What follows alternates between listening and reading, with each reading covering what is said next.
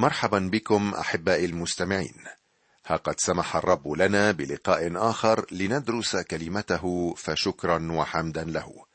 كما أشكركم لأجل اجتماعكم معي من حول الكتاب المقدس في هذا اليوم عسانا ننهل من مائه العذب ارتواء لنفوسنا العطشة. ما زلنا في صدد دراسة سفر الخروج السفر الثاني من الكتاب المقدس. انتهينا المرة الماضية من الأصحاح الثامن عشر حيث أتى يثرون حمو موسى لزيارته بصحبة صفورة زوجة موسى وابنيه جرشوم وأليعازر واستنتجنا أن العلاقات ضمن عائلة موسى لم تكن على ما يرام.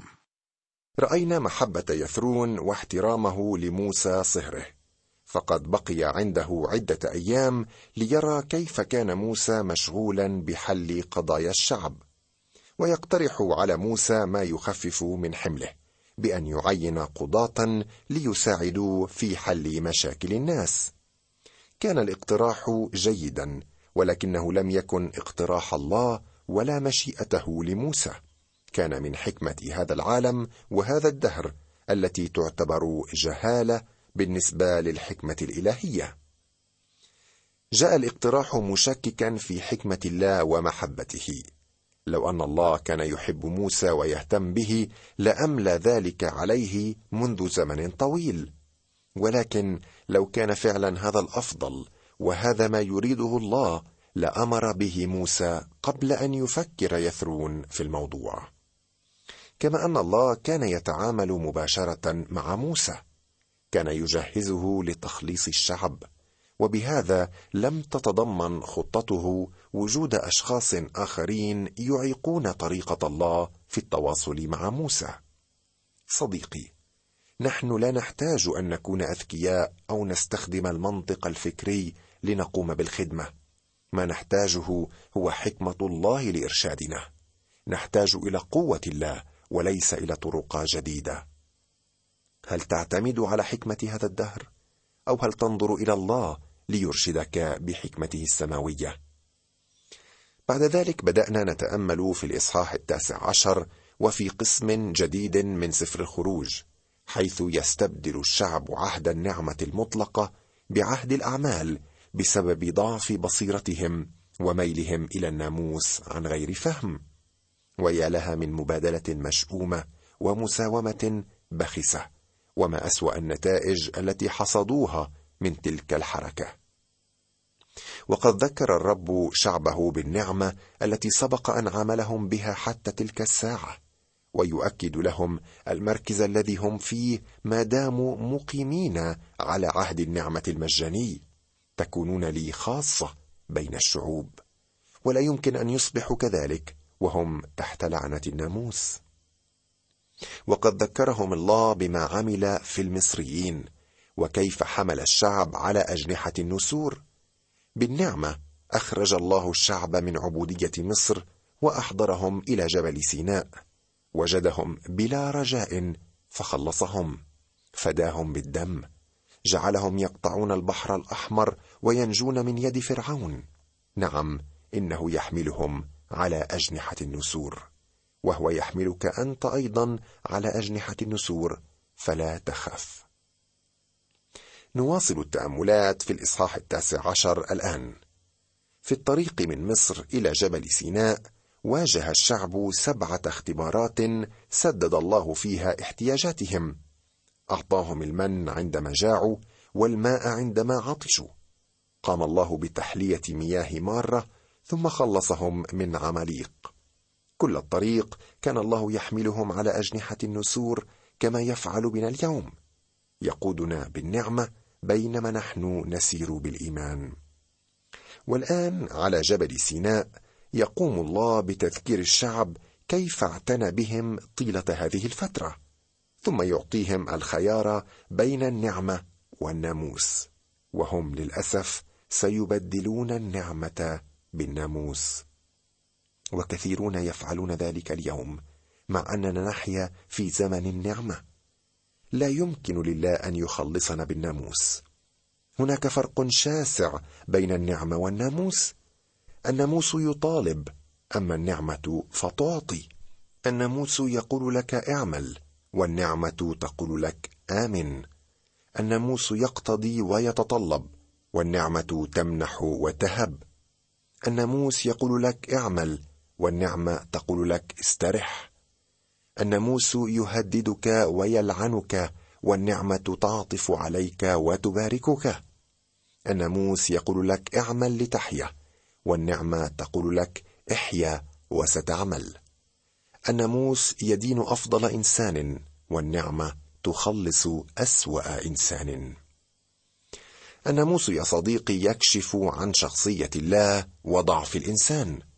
يقول بولس في الإصحاح الثالث من رسالة روميا ونحن نعلم أن كل ما يقوله الناموس فهو يكلم به الذين في الناموس لكي يستد كل فم ويصير كل العالم تحت قصاص من الله.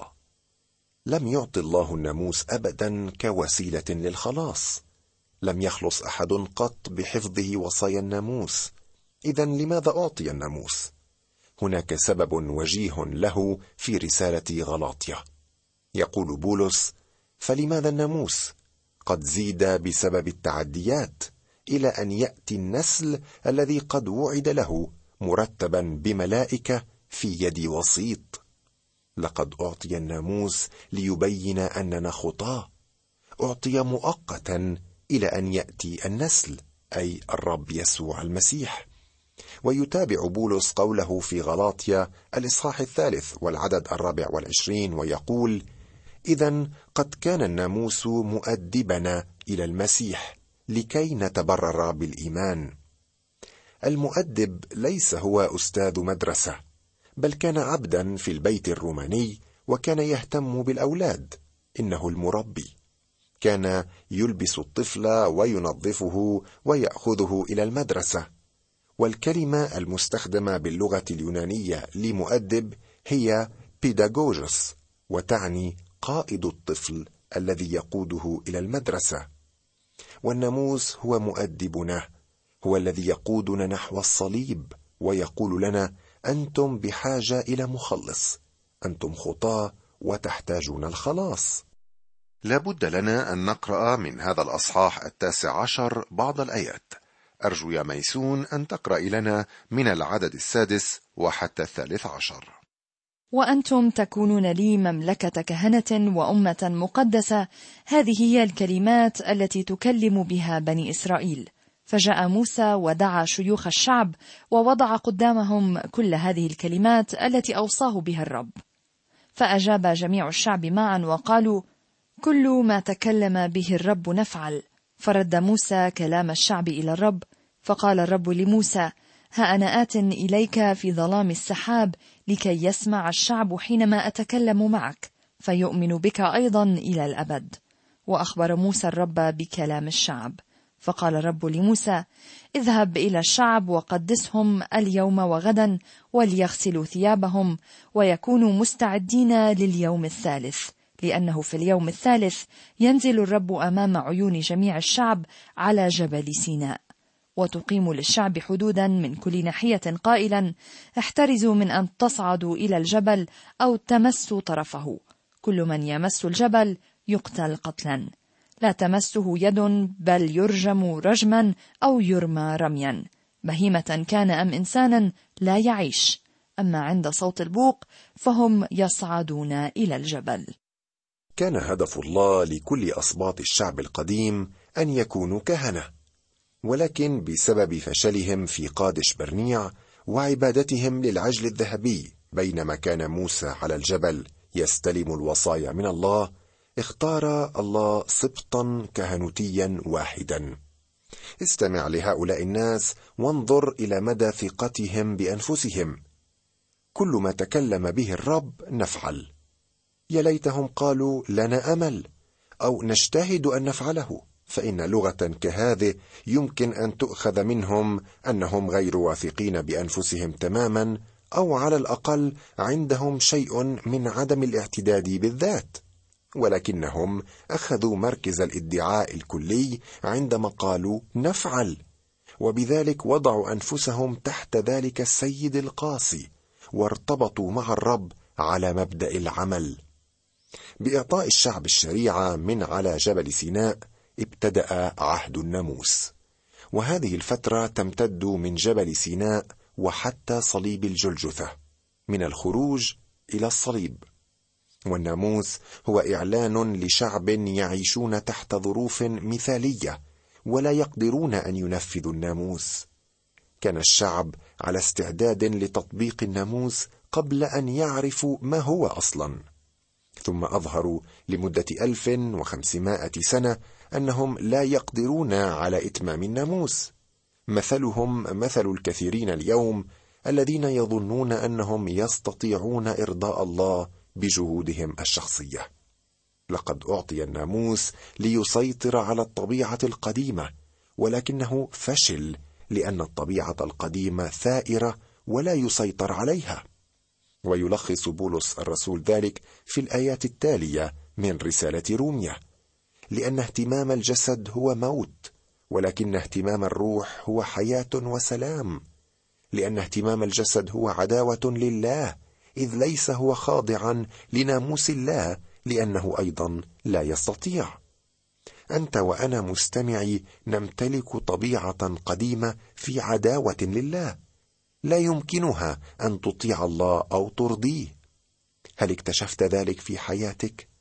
هل وجدت فشلك وعجزك عن إيفاء مقياس الله للصلاح؟ مقياس إله لا يرضى بأقل من الكمال. ولكن شكرا لله أنه أوجد حلا. لا يوجد أكثر من هذا رياء أن يقول المرء أنا أستطيع أن أتمم الناموس. لا أحد يصل إلى مقاييس الله. انظر إلى الشعب الذي طلب من الله أن يعطيه الناموس وأبدى كل استعداد لطاعته. يا له من كبرياء وثقه في النفس. كثيرون يعتقدون أن إعطاء الناموس كان حدثا جميلا مثيرا. ولكن في الواقع هو أمر مخيف ومرعب مشهد هائل. استمع إلى ما يلي. وتقيم للشعب حدودا من كل ناحية قائلا احترزوا من أن تصعدوا إلى الجبل أو تمسوا طرفه. كل من يمس الجبل يقتل قتلا.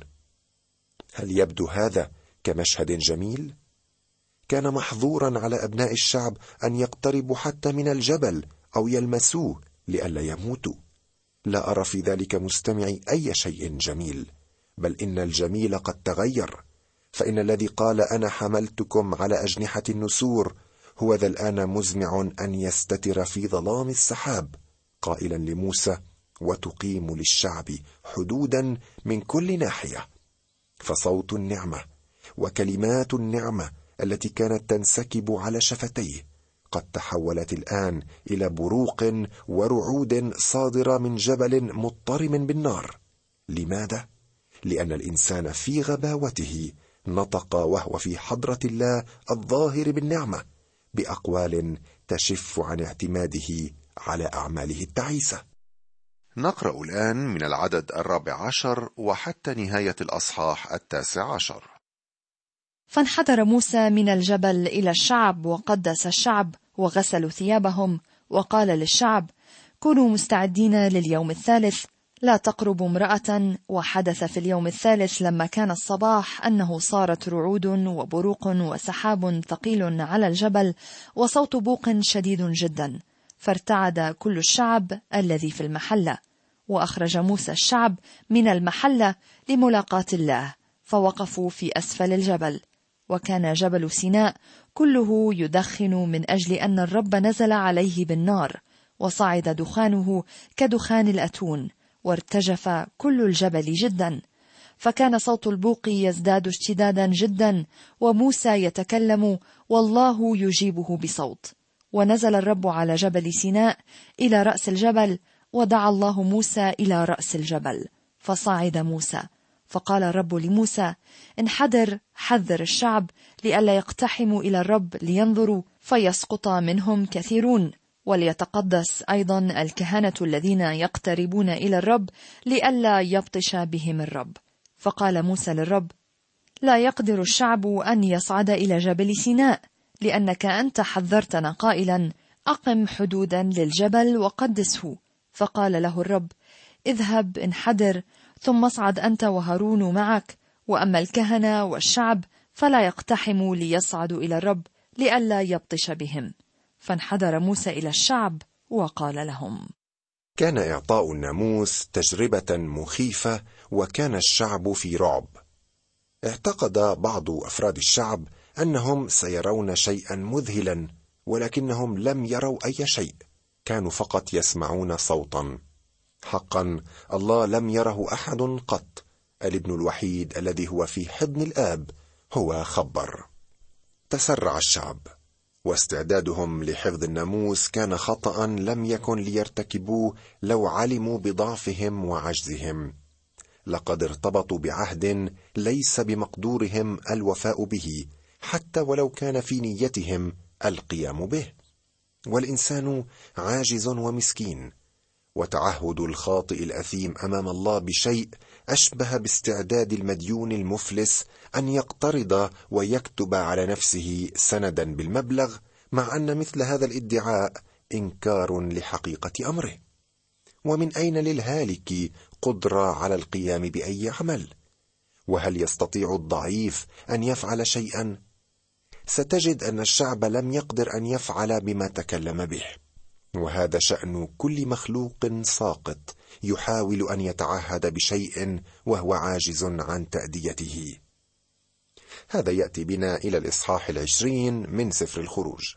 في هذا الإصحاح سنرى إعطاء الناموس أو الشريعة وأول ما أعطي كان الوصايا العشر التي تشكل جزءا من الناموس. كما وأعطاهم الله إرشادات تختص بالمذبح إذ أن الناموس والمذبح يسيران جنبا إلى جنب. الناموس يكشف أن الإنسان خاطئ ويحتاج إلى مخلص ولا بد من وجود مذبح لتقديم الذبيحة بسبب الحاجة إلى سفك دم للخطية.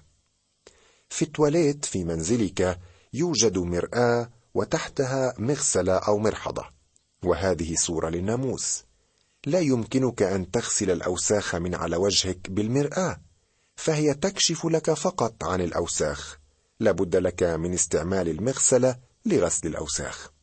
ودم المسيح هو وحده الذي يغسل أثامك يا صديقي وليس أي شيء آخر.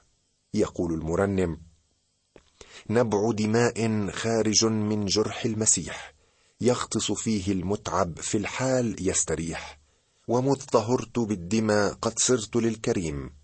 ينبوع أفراحي غدا مخلص العظيم. إذا نأتي إلى الجزء الأول من الناموس الوصايا العشر. يخبرنا العددان الأول والثاني من هذا الإصحاح ما يلي. ثم تكلم الله بجميع هذه الكلمات قائلا أنا الرب إلهك الذي أخرجك من أرض مصر من بيت العبودية. قال الله لقد أخرجتكم من العبودية. وبناء على ذلك سأعطيكم وصاياي. لقد طلبوا الناموس وها هو الله يفرضه عليهم ويبدأ بالوصايا العشر. هناك عدة أمور يجدر بي أن أقولها قبل الدخول في الإصحاح العشرين بينما نتأمل في الوصايا العشر. الأمر الأول هو الأخلاقيات الجديدة وهذه الأخلاقيات ترجع إلى ما قبل الناموس. في الواقع خرجت من جنة عدن بعد سقوط الإنسان في العصيان. الأخلاقيات الجديدة كانت موجودة قبل الطوفان وبعد الطوفان. واليوم الأخلاقيات ليست جديدة. نحن خطاء بالطبيعة وقد أتت وصايا الله لتضع أمامنا مقياس الله. لم يكن ممكنا لأحد أن يتلاعب بالوصايا وينجو. كثيرا ما يقع اللوم علينا نحن الذين نكرز بنعمة الله ولا يوجد لدينا تقدير مناسب للناموس.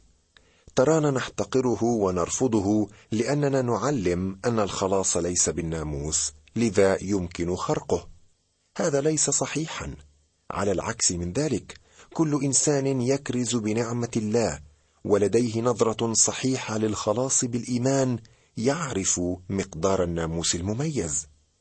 يجاوب بولس على هذه المشكلة في الإصحاح السادس من رسالة روميا فماذا نقول؟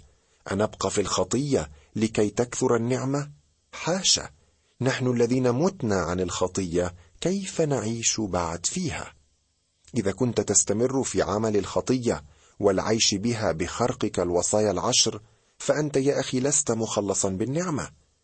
إذ عندما تكون مخلصا فإنك تبغي إرضاء الله وعمل مشيئته كما هي مبينة في الوصايا العشر.